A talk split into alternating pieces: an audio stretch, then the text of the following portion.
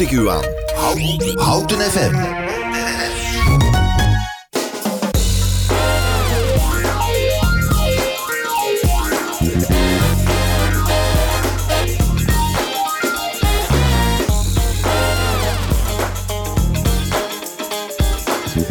Ja, goedemorgen. U, eh, u, be- u bent weer bij ons. U bent weer bij ons op deze warme, superwarme dag. We gaan richting eh, de 30 graden vandaag.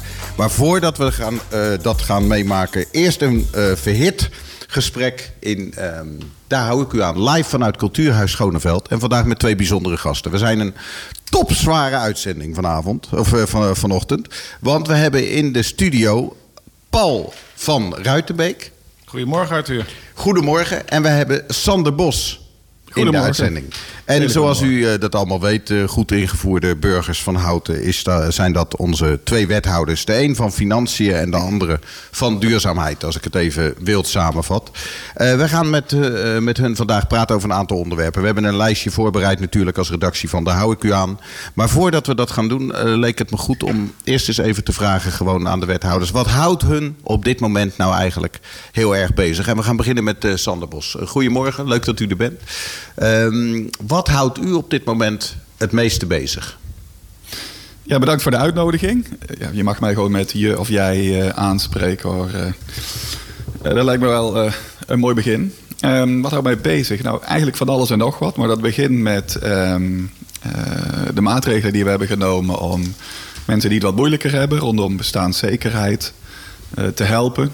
Dus we hebben geld apart gezet om minima eh, nou ja, door de winter heen te helpen. Maar we zijn ook alweer aan het kijken hoe gaat dat eh, de komende winter eh eraan toe. Vanuit financiën zien we ook wel de wolken wat samenpakken. Hè? Dat er eh, eh, vanuit het Rijk eh, niet voldoende wordt gecompenseerd voor de middelen die wij nodig hebben de komende jaren. Dus dat gaat deze zomer ook wel spannend worden. Van, nou ja, hebben we bezuinigingen en ombuigingen nodig om onze begroting voor volgend jaar weer helemaal sluitend te krijgen? En dat is iets waar u nu al mee bezig bent. Want inderdaad, eh, het, het valt me op dat u niet noemt dat de begroting voor dit jaar eigenlijk een soort overschot laat zien. Hè? De- we hebben eigenlijk nog 1,3 miljoen over eh, voor dit jaar. En u bent alweer bezig met zich zorgen maken. Is dat niet een Ja. beetje. eh, Klopt. Nou, daarom noem ik dat ook niet, hè? want anders zou het ondersneeuwen. Ehm, maar inderdaad, wat scherper gezegd, de, vorig jaar hebben we geld overgehouden, inderdaad, dus in 2022. In dit lopende jaar, 2023, zullen we absoluut geen geld overhouden. Dus het geld wat we over hebben gehouden, dat, daarvan hebben we ook de raad voorgesteld. En die gaat daar natuurlijk over. ehm, om dat geld gewoon in de reservepotjes te stoppen. En daar geen, tussen haakjes, leuke dingen voor te bedenken. U noemt ook eh, de burgers die het zwaar hebben. Hè? U heeft het zelfs nog over op deze tropische dag over de afgelopen winter.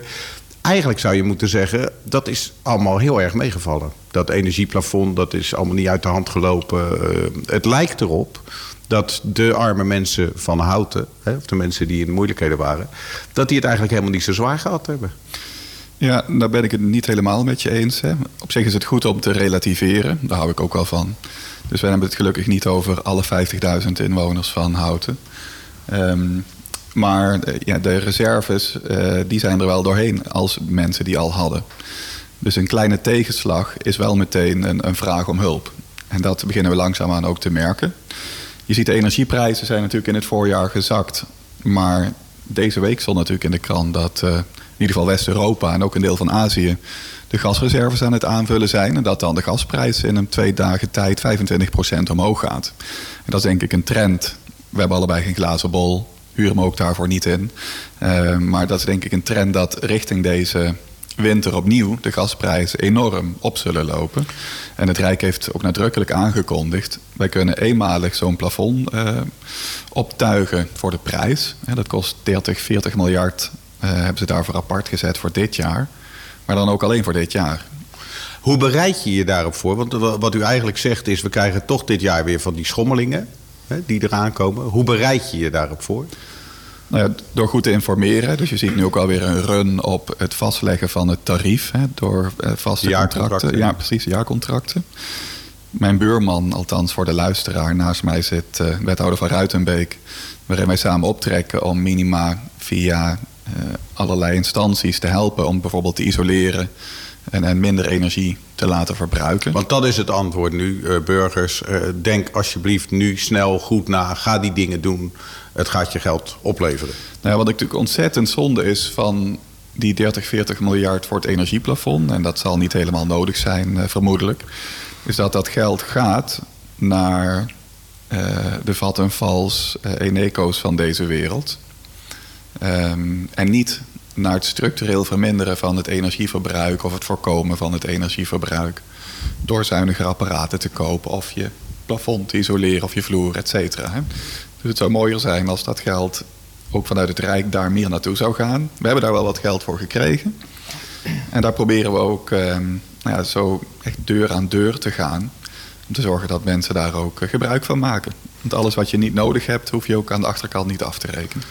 Dat houdt u op dit moment bezig. Naast u zit uh, Paul van Ruitenbeek, uh, wethouder duurzaamheid. U, u, u, u, schetst een onderwerp wat hem ook bezig zou kunnen houden. Maar toch de open vraag, meneer van Ruitenbeek. Wat houdt u op dit moment het meeste bezig? Ja, nou heel concreet het inpakken van mijn koffer. Want aanstaande maandag gaan wij naar Groningen... waar op dinsdag het VNG-congres gaat plaatsvinden en dat is naast heel erg leuk en uh, heel veel mensen ontmoeten en uh, dingen opsteken ook de plek waar de VNG vergadert onder meer over een aantal uh, voorstellen. En een van die voorstellen is de hervormingsagenda jeugd. Daar worden ook moties over ingediend aanstaande woensdagochtend. En die hervormingsagenda jeugd is nu na heel veel onderhandelen losgekomen bij het Rijk.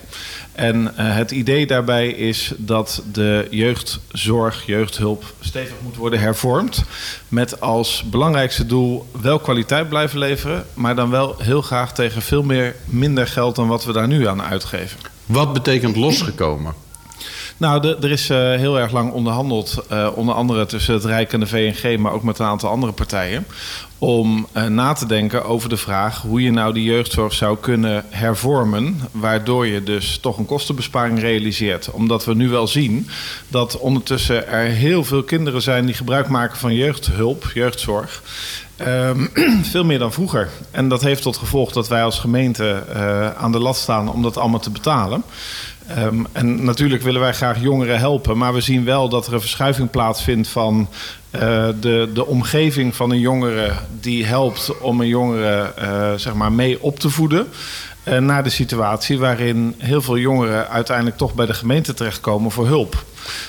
Maar er is natuurlijk ook het nodige uh, gebeurd in de afgelopen tijd. Ik bedoel, de, ik, ik, ik, ik, zie een beetje de, de verbazing op uw gezicht. Hè, dat, uh, daar zit een stijging van de kosten, dat is waar. Ja. Uh, maar we hebben een, een coronaperiode achter de rug... waarin van iedereen heel veel gevraagd is.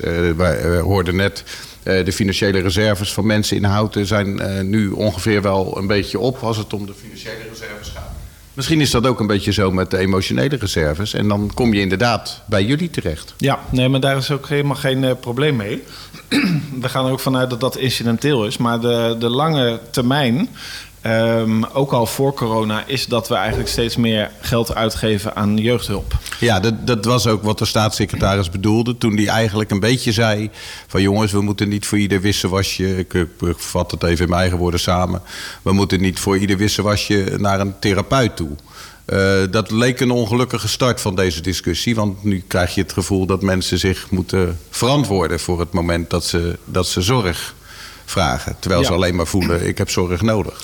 Nou ja, dat is inderdaad niet, uh, niet de bedoeling om dat op een bepaalde manier weg te zetten. Ik ben zelf ook recent uh, op bezoek geweest bij twee uh, psychologen hier in Houten. Die hebben mij heel uitgebreid ook geïnformeerd over de gevolgen van de coronaperiode voor jongeren. En dat neem ik echt wel heel erg serieus. Uh, maar het gaat hier meer om een andere tendens, namelijk dat we als samenleving steeds meer individueler opereren. Waar um, vroeger kinderen gewoon buiten speelden en uh, ook bij de buren binnenlopen, is tegenwoordig het zo dat uh, heel veel mensen allemaal werken. Dat is ook prima. Twee verdieners. Maar als je twee verdiener bent, dat geldt voor mijzelf bijvoorbeeld ook. Um, ja, dan gaat je kind dus niet na afloop naar huis met een kopje thee en dan gaan we lekker buiten spelen. Maar dan gaat het naar de buitenschoolse opvang. En dat wordt allemaal prima gereguleerd. Alleen daar kom je kinderen tegen uh, die daar dan ook zitten. En dan is er dus eigenlijk geen contact met andere ouders van die buitenschoolse opvang.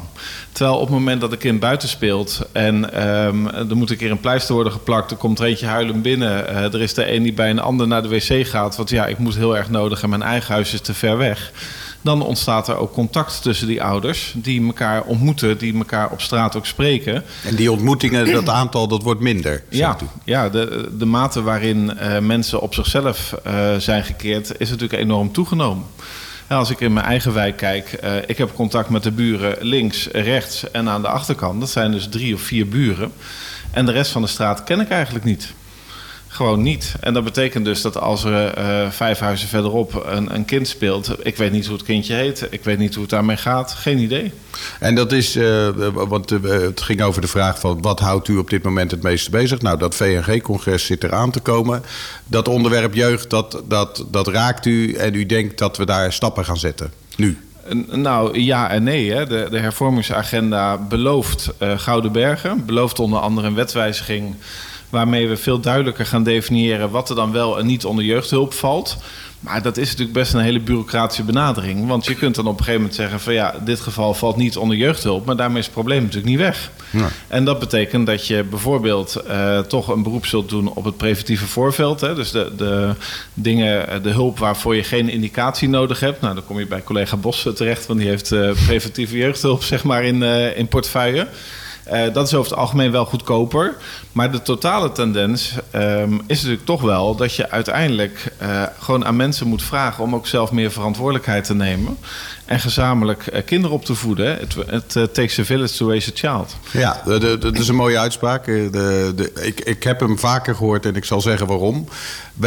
U heeft natuurlijk ook te maken met een zeker wantrouwen tegenover een ministerie dat eh, ons eh, de vorige keer de jeugdzorg hè, overgeheveld heeft naar de gemeentes. eh, met, gepaard met een bezuiniging van ongeveer 25 procent. Bent u niet bang dat ook dat nu weer de drijfveer is om jullie zoet te houden? Bent u alert? Nou, eh, het is eh, sowieso een drijfveer om te bezuinigen, omdat de gemeenten structureel veel meer uitgeven dan wat ze nu van het Rijk krijgen. Daar zat inderdaad al een bezuiniging bovenop, maar er komt ook nog een bezuiniging aan. En dat is ook een punt van discussie geweest. Van als die hervormingsagenda nou wordt ingevoerd, betekent dat dan ook dat die bezuiniging kan worden uitgevoerd? En als dat niet lukt, wie betaalt dan die rekening? En de VNG heeft met name ingezet op de afspraak van ja, we zijn best bereid om mee te werken. We willen dat ook heel graag. We willen allemaal het goede voor onze kinderen. Maar op het moment dat het dan niet lukt en de plannen van het Rijk worden uitgevoerd, dat levert geen besparing op, dan willen we ook graag dat het Rijk die aanvullende rekening betaalt. En dat die bezuiniging niet helemaal wordt doorgevoerd. En dan gaat het toch een beetje over geld. Terwijl je ook kunt voorstellen dat het nu over de jeugd zou moeten blijven gaan. Omdat die net iets mee hebben ma- gemaakt wat, wat blijkbaar heel veel impact gehad heeft. Ja, dus je merkt toch dat je dan weer in een soort klassieke... Ja, dat zou ik niet helemaal willen bevestigen, want eh, ik zou hem ook willen omdraaien. Ik bedoel, jij hebt het nu over een, een betrekkelijk ehm, korte periode in een mensenleven van wat er gebeurt is op het gebied van corona. Het heeft echt heel veel impact gehad. Dat eh, wil ik niet kleiner maken. Maar de organisatie van de jeugdzorg is natuurlijk al jaren en jaren een punt van zorg. En eh, mijn standpunt over die hervormingsagenda is dat het mooi is dat ze eruit zijn gekomen. Eh, maar ik ben inderdaad wel een beetje sceptisch van wat gaat het uiteindelijk opleveren. En daar praten wij natuurlijk ook over met de wethouders in de regio. Want eh, we trekken daar regionaal in op. En daar gaat u aanstaande woensdag bij de VNG u sterk voor maken. Meneer Bos, we, hebben het nu heel even over de jeugdzorg. Eh, u bent even in het nieuws geweest rond Enter. Misschien kunt u een kleine update geven van de discussie rond Enter. Is er langzamerhand duidelijkheid gekomen over wat de volgende stap gaat worden? Ja die, ja, die duidelijkheid die komt er langzamerhand inderdaad. Dat gaat niet zo snel als we allemaal zouden willen. Maar we, hebben de, we waren samen bij de presentatie van het Enter-effect. Dat was denk ik in januari, februari. En we hebben toen ook gezegd, eh, richting Van Hout en Co... Hè, die ehm, de organisatie van Enter voert... ehm, naar het gemeentelijk vastgoedbedrijf. Want de gemeente is eigenaar van het gebouw. Van nou wil eigenlijk voor de zomer die duidelijkheid wel eh, krijgen. We hebben zelf een enquête uitgevoerd eh, waar recent de resultaten van eh, bekend zijn geworden. Eh, daar hebben we als college nog niks van gevonden, maar dat gaan we binnenkort ook doen. Nog voor de zomer? Ja, dat is wel de bedoeling. En de- u zegt, daar gaan we wat van vinden. Is het goed nieuws of slecht nieuws? We moeten er nog wat van gaan vinden. En of het goed of slecht nieuws is, dat is maar net aan wie het vertelt natuurlijk. Ehm, maar buiten kijf blijft staan dat we een jongerencentrum willen in Houten. Daar hebben we met Van Hout en Co. ook eh, goede gesprekken over. En, en die blijven gewoon de goede kant op gaan. En uiteindelijk ehm, ja, moeten al die mooie ideeën natuurlijk vertaald worden naar wat betekent dit dan en wat kost dat dan. Dat zijn vaak de ja, details, lijkt het, maar waar je het nog lang over zou kunnen hebben. Zover zijn we ook nog niet helemaal. Um, dus vandaar dat ik wat reserves heb voor het alles voor de zomer presenteren. Maar we komen in ieder geval voor de zomer weer met, uh, met een aantal stappen die we uh, willen zetten. Met, uh, de, en dat, dat had u beloofd voor de zomer met de ja. volgende stap komen. Die, we gaan heel even luisteren naar een plaat. En dan gaan we zo doorpraten over een lijstje wat ik gemaakt heb. Waar wat de dingen op staan. Want er is veel met u te bespreken. Met u beiden. Unchain my heart Cause you don't care Well please Set me free. Unchain my heart. Baby let me go. Unchain my heart. Cause you don't love me no more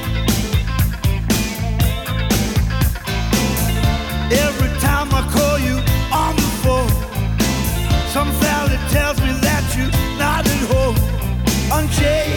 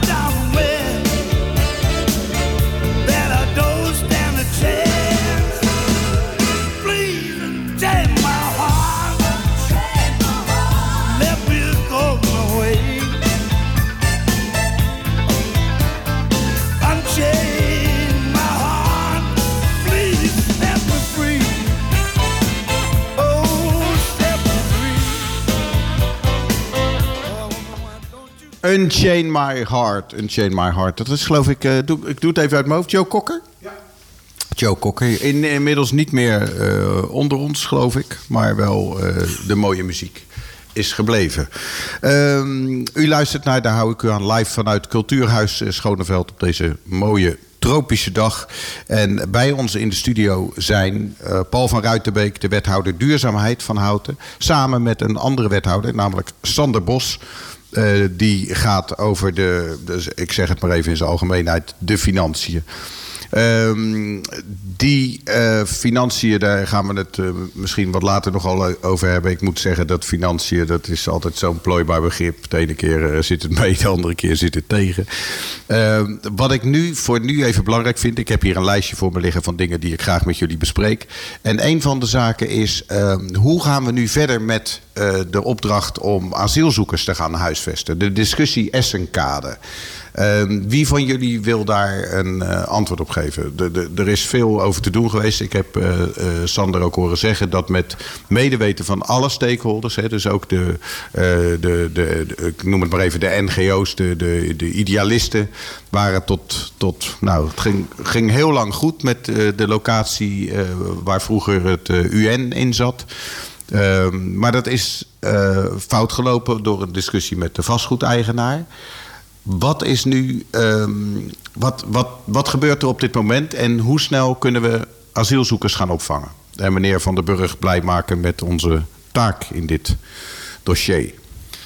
Ja, eh, mooie, al een mooie introductie. Kijk, we hebben eh, meer dan een jaar gewerkt aan de Essenkade. Dat is uiteindelijk inderdaad eh, niet gelopen zoals wij hadden gewild. Uiteindelijk hebben we wel alles op alles gezet om het mogelijk te maken. Maar er zit gewoon een grens aan wat verantwoord is ook aan publieke middelen om daarin te schuiven. Dus eh, die discussie is denk ik wel op een nette manier afgehecht. We hebben daar ook eh, de, de buurten die betrokken waren ook allemaal nog een brief gestuurd. En dat is uiteindelijk allemaal best wel goed gelopen, eh, die communicatie onderling. Daar hebben we ook van geleerd.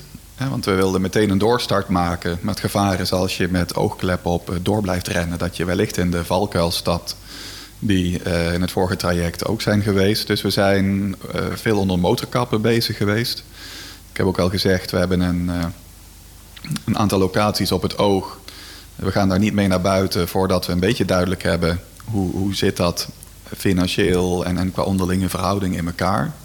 De regie moet veel meer naar het gemeentehuis. Hè. Dus nu hebben we ook onszelf wel afhankelijk opgesteld... van eigenaren, van woningcorporaties en ook wel een beetje van het COA. Dus we trekken de regie wat meer naar ons toe.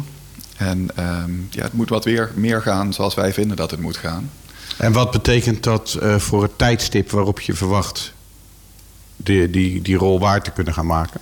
Ja, daar kan ik dus ook met veel meer zekerheid iets over zeggen, omdat we zelf eh onze regie handen op die planning hebben liggen. En ook hier, ehm, klinkt een beetje een cliché dit, proberen we voordat de raad met reces gaat, dus voor de zomer noem ik het maar even, ondanks dat veel luisteraars denken en naar buiten kijken. De zomer is al lang begonnen, maar dan bedoel ik eigenlijk voor het zomer. Reces, dat is over vijf of zes weken. hè? Ja, ja, ja, zal 10, 15 juli of zo zijn. Ehm, naar buiten te komen met ehm, dit is een verhaal en dat klopt eh, financieel en qua uitdagingen en qua eh, inschatting van het draagvlak. Want dat moet je dan natuurlijk op een nieuwe locatie ook maar weer waarmaken. Eh, Terwijl u, sorry dat ik u onderbreek, Ter- terwijl u onder de motorkap aan het rommelen bent, gebeuren er wel dingen. Bijvoorbeeld buurt, buurgemeente Nieuwegein heeft eigenlijk op, ja, op, op eigen initiatief een, het HJ-gebied verklaard eh, als gebied waar ze 220 asielzoekers wil gaan opvangen. Dat gebied is weliswaar Nieuwegein, maar grenst wel heel prominent aan ehm eh, Tul in het Waal. Ehm, is daar overleg over geweest? Tul in het Waal, Tul en het Waal, Tul en het Waal, Tul en het Waal.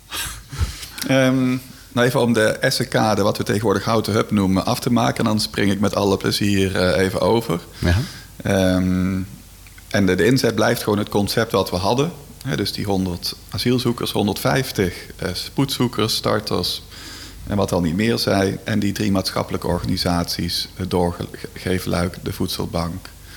Ehm, nou, nou ons, schiet mij er een. Doorgeefluik, Voedselbank en de krachtfabriek natuurlijk. Ehm, om die daar gezamenlijk te huisvesten. En daar zit gewoon wel een ingewikkeldheid in. Maar aan de andere kant, de energie zit er ook weer in. Eh, Je, kunt je denk ik voorstellen dat ehm, het enthousiasme na best een lang, moeizaam traject ook even weg is gezakt. Maar die, die is gelukkig weer terug. Jullie zijn niet uit elkaar gedreven. De- er is geen sprake van eh, onderlinge verdeeldheid. Nee, nee, we hebben ook eh, de drie maatschappelijke organisaties eh, een plek gegeven aan de tafel van de projectgroep. Die nadenkt over hoe moet het er allemaal uitkomen te zien. En de stuurgroep, hoe moet het allemaal betaald worden. En welke beslissingen wordt, moeten er worden genomen. Zodat ze ook veel meer inzicht krijgen in van ja, waar loopt eh, mijn college nou tegenaan. En, en dat je over en weer wat meer begrip hebt over de, voor de stappen die worden genomen. En zo proberen wij een deel van onze taak, zou je het kunnen noemen, eh, op te vullen. Daarnaast proberen wij ook inzichtelijk te maken wat zou Houten nou eh, aankunnen qua aantallen. En dat heeft het niet per se met wat kan de gemiddelde inwoner nou aan, want dat speelt natuurlijk ook mee. Maar je hebt het ook over eh, wat kan vluchtelingenwerk aan, wat kan ons huisartsennetwerk aan, wat kan ons onderwijssysteem aan. Daar zijn we ook mee bezig. En daar willen we in het najaar eh, met, met eh, alle belanghebbenden over praten. Van, nou, dat, dat we niet zomaar allerlei projecten blijven doen, maar er zit een enorme krachtenveld omheen wat het ook maar aan moet kunnen. En daar willen we ook meer zou- inzicht in krijgen. Dat snap ik. We, ondertussen gaat Nieuwegein 220 plekken creëren aan de rand van de snelweg Ja. richting eh Ja, Tul kijk. en het Waal. Laten we eerlijk zijn, dat voelt natuurlijk gewoon als houtens grondgebied. Het is eh, aan, ik noem het maar even, onze kant van eh, de snelweg. En ehm, ja, er zijn twee bijeenkomsten. Overviel het jullie?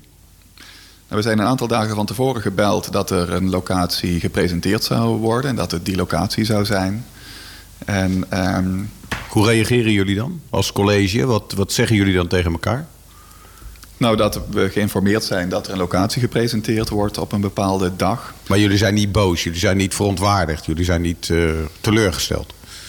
Nou, naar elkaar toe zou dat niet heel functioneel zijn. Maar dan bespreken we met name van wat betekent dit, welke rol hebben wij hierin, en, en maar hoe moeten we handelen.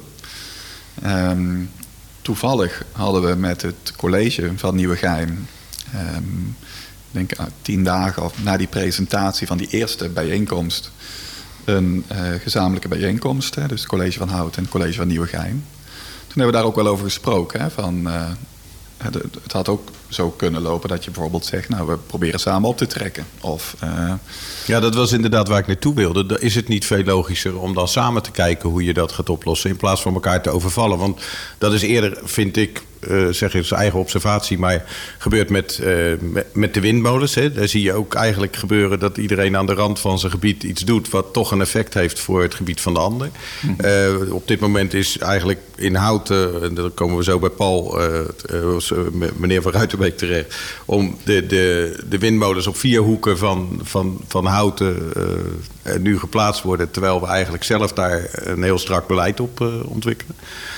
Ehm, u heeft daarover gesproken met hen. Wat Ja. was de conclusie? Nou, de conclusie was dat ze een opgave op zich af zien komen. Dat, ze, dat dit de locatie daarvoor zou zijn. Dat HJ die als eigenaar van, van die ontwikkeling eh, zich gemeld heeft bij de gemeente. En dat ze zijn gaan verkennen. Dan zou dat een passende locatie zijn. We hebben natuurlijk ons ongemak wel uitgesproken dat zij communicatie, informatie, participatie doen. Met eigenlijk alleen maar onze inwoners van Tullen en Sterker nog, ze mochten niet komen. De mensen uit Tullen en Waal mochten aanvankelijk niet komen... op de, op de inspraakavonden die georganiseerd werden. Ja, we hebben natuurlijk de uitnodigingsbrief ook gezien. Ehm, en bij het eerste belletje heb ik meteen aangegeven... je kunt wel een deel van Tull en uitnodigen... maar binnen een paar minuten weet de rest het natuurlijk ook. Hè, want zo werkt het eh, nou eenmaal in, en in onze dorp. Ja, zeker. En dat is denk ik ook een, een heel mooi gegeven. En uiteindelijk hebben ze daar ook ja, volgens mij wel op gehandeld. En is er een tweede bijeenkomst gekomen die wat drukker bezocht eh, is. En er zijn zorgen geuit. We hebben ook aangegeven... eh, de zorgen van onze inwoners zijn dus ook de zorgen van dit gemeentebestuur. Eh, en die zullen wij ook mee adresseren als er geen goede antwoorden op komen. Dus wij zijn echt wel op onze hoede om te kijken hoe pakt dit voor onze inwoners uit.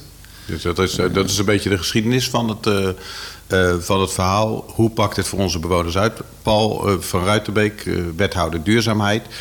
Die duurzaamheid, dat zit natuurlijk niet alleen in de doelstellingen van groen, hoe gaan we om met andere mensen enzovoort. Die duurzaamheid zit ook in je relaties met omliggende gemeentes. En ik denk dat u, u als geen ander weet dat u voor alles wat u probeert voor elkaar te krijgen, de hulp nodig hebt van die omliggende gemeentes. U, u gaat ook over het eh, dossier Houten Oost, waar straks ook een aantal dingen spelen met betrekking tot Bunnik en met eh, hoe. Hoe, ehm, hoe- ja, eigenlijk wil ik gewoon vragen, hoe voelt dat? En wat is daarvan uw, ehm, ja, punt? Ja, nou ja, als je het over duurzaamheid hebt, eh, dan werken we inderdaad samen met heel veel andere gemeenten.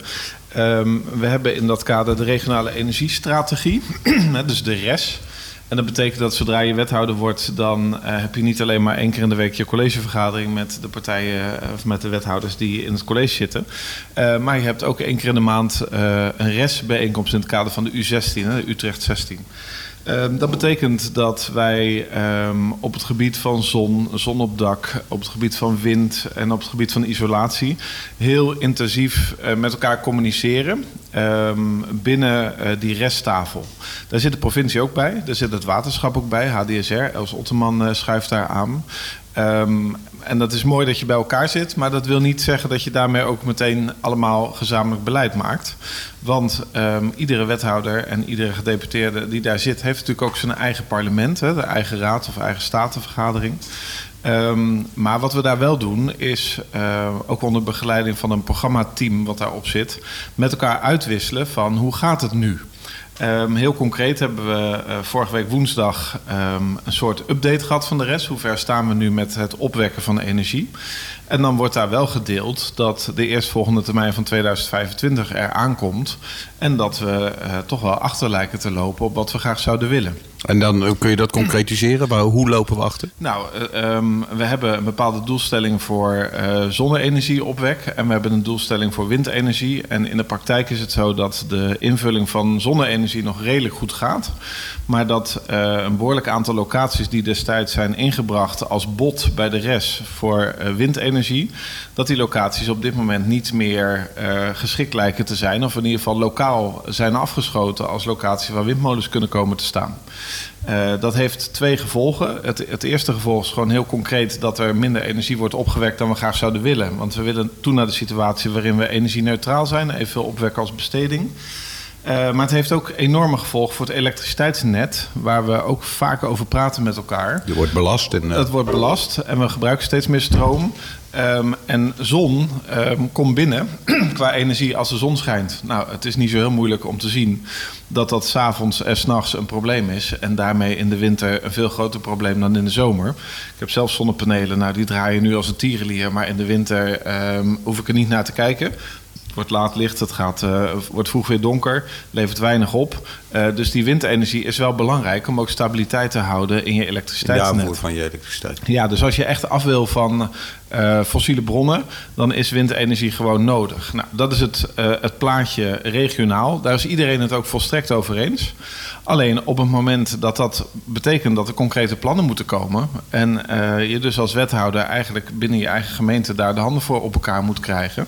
en zeker bij een raad, ja, dan komt er een andere dynamiek. Onder andere bijvoorbeeld de coalitieakkoord. Um, waarin dan bij gemeentes kan staan van wij willen dat niet. er is geen draagvlak voor. Um, en dan zit je wel in een spanningsveld waar je het met elkaar over moet hebben. Uh, nou, dat is eigenlijk een beetje zoals bij de asielzoekers ook. Hè? Van op het moment dat je de buurgemeente bent, um, dan kijk je ernaar en denk je van wat gebeurt daar? En tegelijkertijd weet je ook bestuurlijk gezien dat ook die andere gemeentes wel ook een opgave hebben, net zoals je die zelf hebt. En dat beïnvloedt natuurlijk ook wel de manier waarop je daar naar kijkt. Dus we spreken elkaar daar wel op aan binnen die, uh, binnen die resttafel. Er is ook een, een, procedure ontwikkeld voor als de doelstellingen niet worden gehaald. Hè. Dus stel dat ik uh, een zonneveld niet zou kunnen realiseren, dan is het de bedoeling dat ik bij de buurgemeentes ga vragen van goh, zou je me kunnen helpen om die doelstelling te behalen? En als we er met de buurgemeentes niet uitkomen, dan komt het op die resttafel. En dan wordt er dus helemaal breed rondgekeken over de hele provincie Gaan we op zeeruimte kopen? Of, uh... Nee, nee, want het moet wel echt in het gebied. We hebben als uh, provincie Utrecht gewoon een eigen taakstelling die we moeten realiseren. Binnen het gebied? Ja, en wat je dan nu ziet gebeuren na een behoorlijk lange tijd waarin we veel met elkaar hebben gesproken. En waarin Houten overigens ook meer dan zijn eigen aandeel heeft geleverd. Wij lopen echt uh, voorop uh, in de provincie. Is dat de gedeputeerde van GroenLinks, Huip van Essen, nu heeft gezegd van nou alles goed en wel. Maar ik zie dat er te weinig beweging is. Dus ik pak op basis van de energiewet wel de regie nu. Dus Huip van Essen is eigenlijk buiten de resttafel om. Hè. Hij heeft het natuurlijk wel gemeld, we hebben het er ook wel over gehad. Maar hij heeft samen met de provincie besloten om nu een inventarisatie te maken van alle mogelijke plekken waar wind zou kunnen komen. Dat zijn dus ook plekken die lokaal al een keer op tafel wellicht en zijn afgeschoten. En hij zegt daar dus van: ik wil onderzoeken wat de mogelijkheden zijn. En als ik dat hele onderzoek heb afgerond, dan. Uh, kom ik tot een aantal locaties waarvan ik eigenlijk vind dat daar windmolens zouden moeten komen. En dat betekent ook de lokale participatie uh, negeren tussen aanhalingstekens en zeggen we gaan daar toch windmolens neerzetten. Ja, ik denk niet dat hij het zo zou formuleren.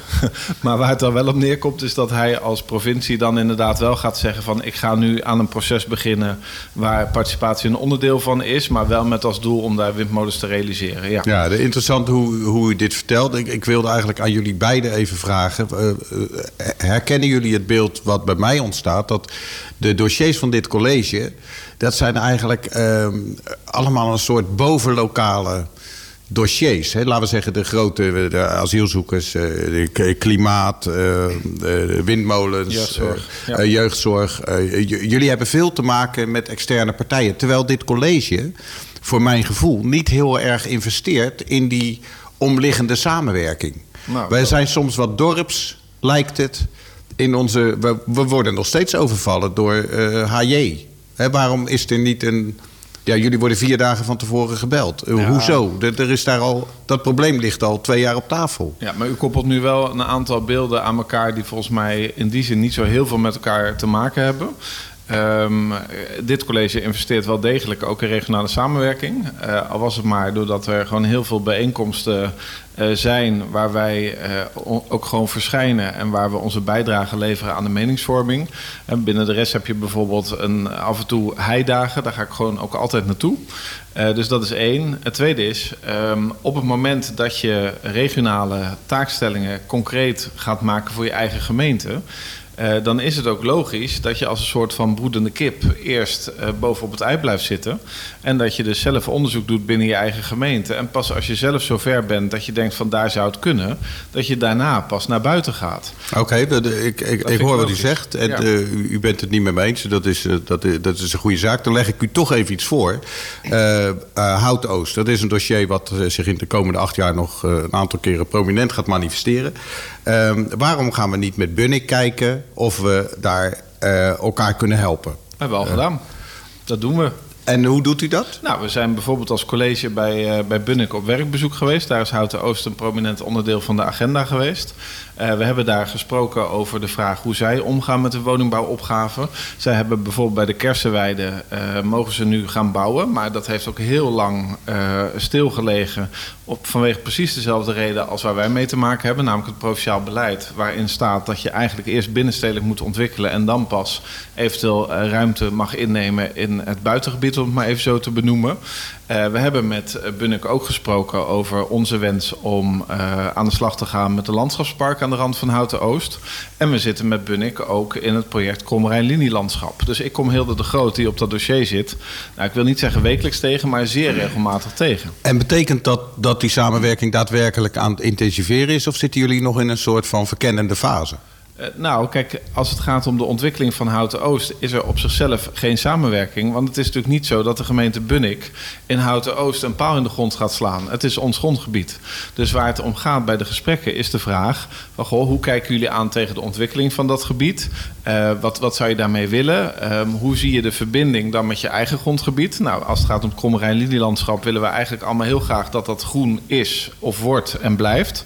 Eh, dat delen wij ook met de gemeente Bunnik. Eh, in onze plannen zit ook niet voor niks het landschapspark. Ehm, provinciaal gezien is ook de lijn van als je dan toch in het buitengebied iets zou gaan bebouwen, dan moet je een soort schrecht maken waarbij je eigenlijk van het groene gebied op een hele mooie vloeiende manier het bebouwde gebied ingaat. Daar zijn we het allemaal over eens. Alleen Bunnik zegt natuurlijk wel van ja, als je toestemming wil hebben om in Houten Oost te gaan bouwen, ehm, dan moet je niet bij ons zijn, want daar gaan wij niet Dan over. moet je bij daar de gaat de provincie over. En dat is Huip van Essen. Eh, Dit in de weerwil van eh, wensen van onder andere uw partij, meneer Sander Bos. Eh Eve Stiekema zat hier. Ja, hij eh, heeft nog te- steeds een baan, eh, Huip van Ness, heb ik begrepen. Ja, die heeft nog steeds een baan. En eh, terwijl drie dagen voordat die baan ongewis was, heeft Stiekema hem inderdaad triomfantelijk had verteld... nou, eerst maar eens zien of u er nog zit straks. En ons in de weg kan zitten bij onze plannen om in Houten Oost te gaan bouwen. Maar dat is uiteindelijk wel... ehm, eh, nou ja, dat lijkt te gebeuren. Dat betekent ook een beetje... eh, Dat, dat wilde ik ook noemen, hoewel u goed weerwoord geeft hoor. U bent in gesprek met Bunnik enzovoort enzovoort, dus eh, dank daarvoor. Eh, die provincie, dat blijft nog steeds een dingetje. Huip van Essen heeft u nu twee keer ontmoet als ik mijn huiswerk goed gedaan heb. Nou, veel vaker al. Ja. Nou ja, laten we zeggen gesprekken over Houtoost... waarin hij u heeft uitgelegd... Nou, wij zien voorlopig nog geen reden om de strategie die we hebben te veranderen. Ja. Ik heb er geen reden om aan te nemen dat nu eh, eh, hij opnieuw eh, dat dossier beheert, eh, dat hij van gedachten veranderd is. Heeft u daar aanleiding voor? Nou ja, u- ten eerste staat nog niet vast dat hij dat dossier blijft beheersen. Want de onderhandelingen bij de provincie lopen nog. Dat is één. ja, er is nog geen coalitie. Er is nog geen coalitie. Nee.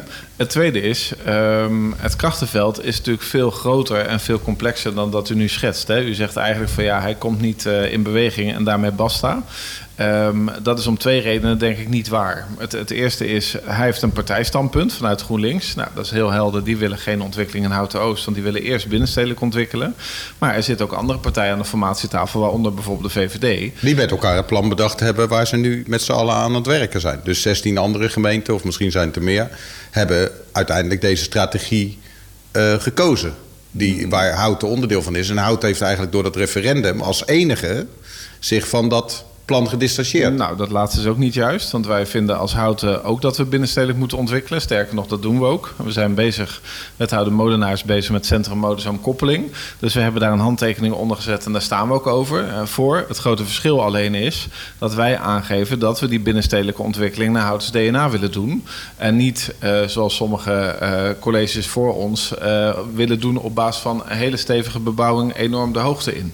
Daar kun je ook weer een discussie over voeren. Maar de vorm waarop we dat binnenstedelijke ontwikkelen doen, is met dit college anders dan eerder het plan was. En binnenstedelijk, even voor de luisteraar, kun je maximaal eh, ongeveer de helft van de bouwopdracht vervullen. Niet de hele bouwopdracht. Nou dus ja, hoe, dat- je, hoe je er ook naar kijkt, je zal houten, hè, bij, volgens de huidige plannen, zal je in houten Eh, Oost terechtkomen. Ja, maar kijk, ehm, laten we wel wezen. Op het moment dat wij de hele modezoom vol zouden zetten met flats van 16 hoog, dan zouden we veel meer binnenstedelijk kunnen ontwikkelen dan onze plannen nu zijn.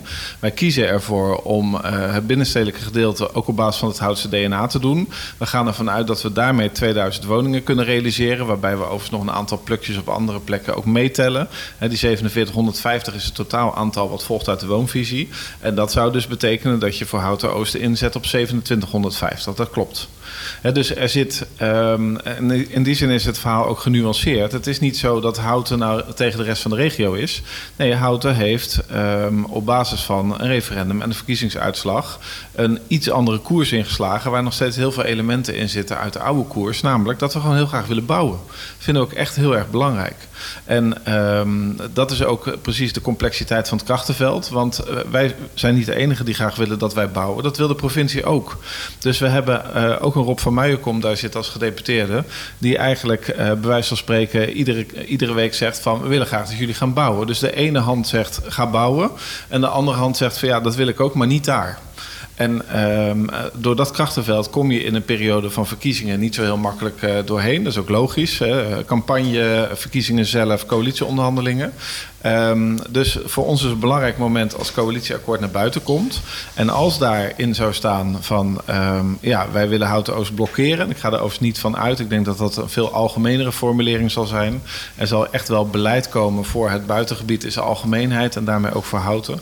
Eh, dan hebben we ook natuurlijk nog eh, de situatie dat ehm, de druk toeneemt en toeneemt.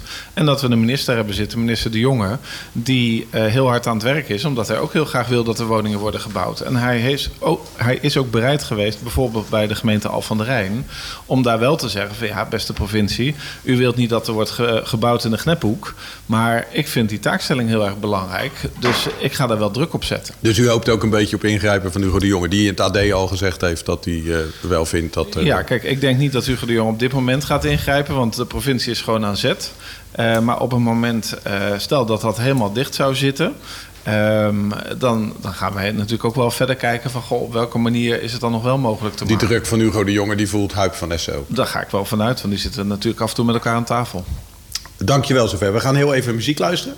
En dan gaan we daarna nog flink doorpraten live vanuit Cultuurhuis Schoneveld. Tot zometeen.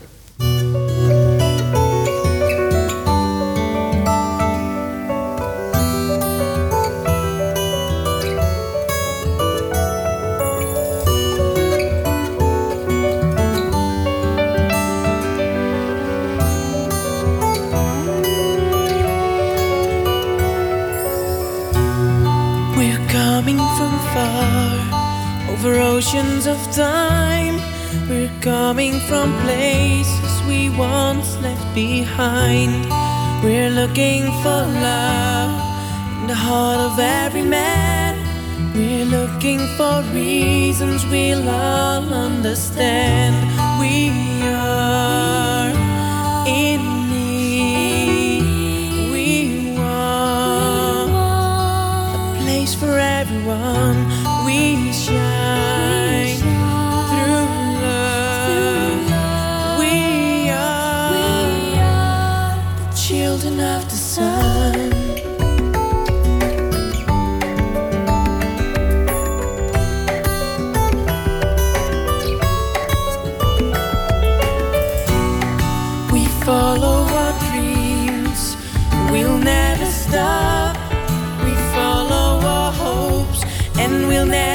Give up until we have found the warmth of the sun. Until we are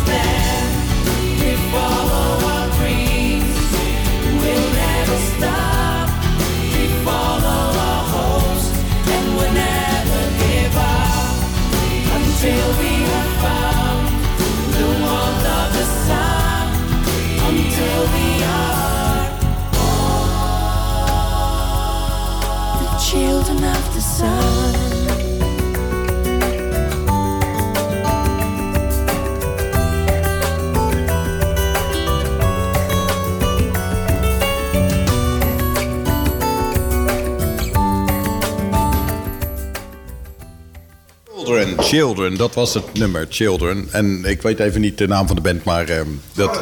Oh, dat, dat werd geroepen. U heeft het waarschijnlijk nog niet gehoord, maar het, is, eh, het was een mooi liedje. U luistert naar de Hou ik u aan live vanuit Cultuurhuis Schoneveld... met als onze gasten eh, Sander Bos, wethouder Financiën... en eh, Paul van Ruitenbeek, de wethouder duurzaamheid. En we zijn erg blij dat ze hier vanochtend samen zijn. Eh, we kunnen een aantal onderwerpen bespreken waar ze ook samen verstand van hebben. Ehm, en een van die onderwerpen is... ehm, ja, ik, ik zeg het maar even op mijn eigen manier. Meneer Van Ruitenbeek, dan begin ik bij u. Ehm, wat hebben twee loodsen in Houten en een Schalkwijkse fabriek met elkaar gemeen? Ja, goede vraag. Eh, de, ik stel de vragen, u geeft de antwoorden. Ja, ik moet dan wel het antwoord weten.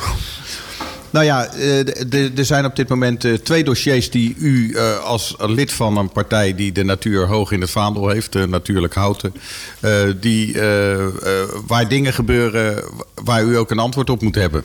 Waar u zelfs de wet lijkt te hebben overtreden. U heeft twee loodsen afgebroken waarvan de RUD zegt, ja, dat had u niet mogen doen. Want er woont daar een uil. Ja, nou die, die uil eh, woonde niet in die loods in ieder geval, dus dat is één.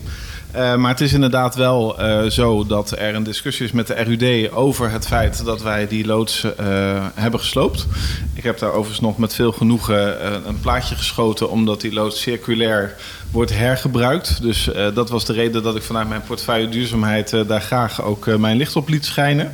Ehm, maar het is natuurlijk wel een, een gebied wat ligt binnen de rondweg. En ehm, nu het bij de RUD ligt, hè, omdat de RUD zegt van ja, wij vinden toch dat je met het slopen van die loods eh, het gebied eh, van de steenuil hebt geraakt. ehm, vinden we dat we daarmee aan de slag moeten op het gebied van de handhaving. Nou, eh, binnen ons college zijn we natuurlijk integraal met elkaar verantwoordelijk. Het is wel zo, als het gaat om handhavingskwesties, ligt dat bij de burgemeester. Dus dat betekent dat de burgemeester op dit moment ook op dat dossier zit. En ehm, ja, een, een handhavingskwestie betekent dat er een handhaver is en dat er iemand is ten opzichte van wie er wordt gehandhaafd. Ehm, en dat gesprek is op dit moment gaande. Dus ehm, Een burgemeester is daarin eh, woordvoerder, dus daar kan, kunt u verder niet zoveel over zeggen, denk ik. Nou, het gaat niet zozeer om, om de vraag van kun je er wel of niet iets over zeggen. Het gaat om het punt dat als je eh, in deze situatie zit waarbij er wordt gehandhaafd en we dus in gesprek zijn met de RUD, eh, dat daar natuurlijk ook het gesprek plaatsvindt over de vraag van wat heeft daar plaatsgevonden. En dat is op dit moment onderwerp van gesprek. En ja, zolang als je in die gesprekken zit, is het niet heel erg logisch om daar dan vervolgens publiekelijk dingen De- over te gaan dat snap ik helemaal, snap ik helemaal. Maar ik zit ook te kijken als burger van Houten en denk dan, ja, eh, waar kunnen we het nog over hebben? Die loodsen zijn neer, eh, die zijn down. Eh, waar kijken we tegenaan? Als er gehandhaafd wordt, krijgen we dan een geldstraf? Of moeten we eh, de uil herhuisvesten in een ander gebied? Of wat, wat is een soort straf waar je tegenaan kijkt als we die discussie gevoerd hebben? Ja, nou, als het gaat om handhaving is, is de vraag van straf volgens mij niet eens zo heel erg relevant. Ehm, dat zou ook een element kunnen zijn, maar het gaat inderdaad dan vooral om de uil. En de vraag van wat je daar dan zou moeten doen, is nou juist een onderdeel van het gesprek over de handhaving. Ja, heeft u er spijt van dat u die loodsen al heeft neergehaald? Mm, dat hangt een beetje af van wat er uit onderzoek komt. Kijk, op zichzelf, ehm, op het moment dat een, een loods eh, niet meer in gebruik is en, en circulair kan worden hergebruikt, heb ik daar helemaal geen enkel bezwaar tegen. Eh, maar het punt van de natuurwetgeving, dat moet verder worden uitgezocht. Ja, eh, of, u, of u een overtreding geweest bent. U, u vindt eigenlijk dat de RUD misschien nog wat prematuur was met zijn oordeel. Nou, ik vind dat de RUD vooral een oordeel moet hebben als de RUD een oordeel heeft. Hè. Die, die wordt in deze eh, ook aangestuurd door de provincie. Dat is gewoon een taak die zij hebben. En, en in deze situatie is het dan volgens ook aan de gemeente Houten om daar een beeld van te vormen, daar iets van te vinden.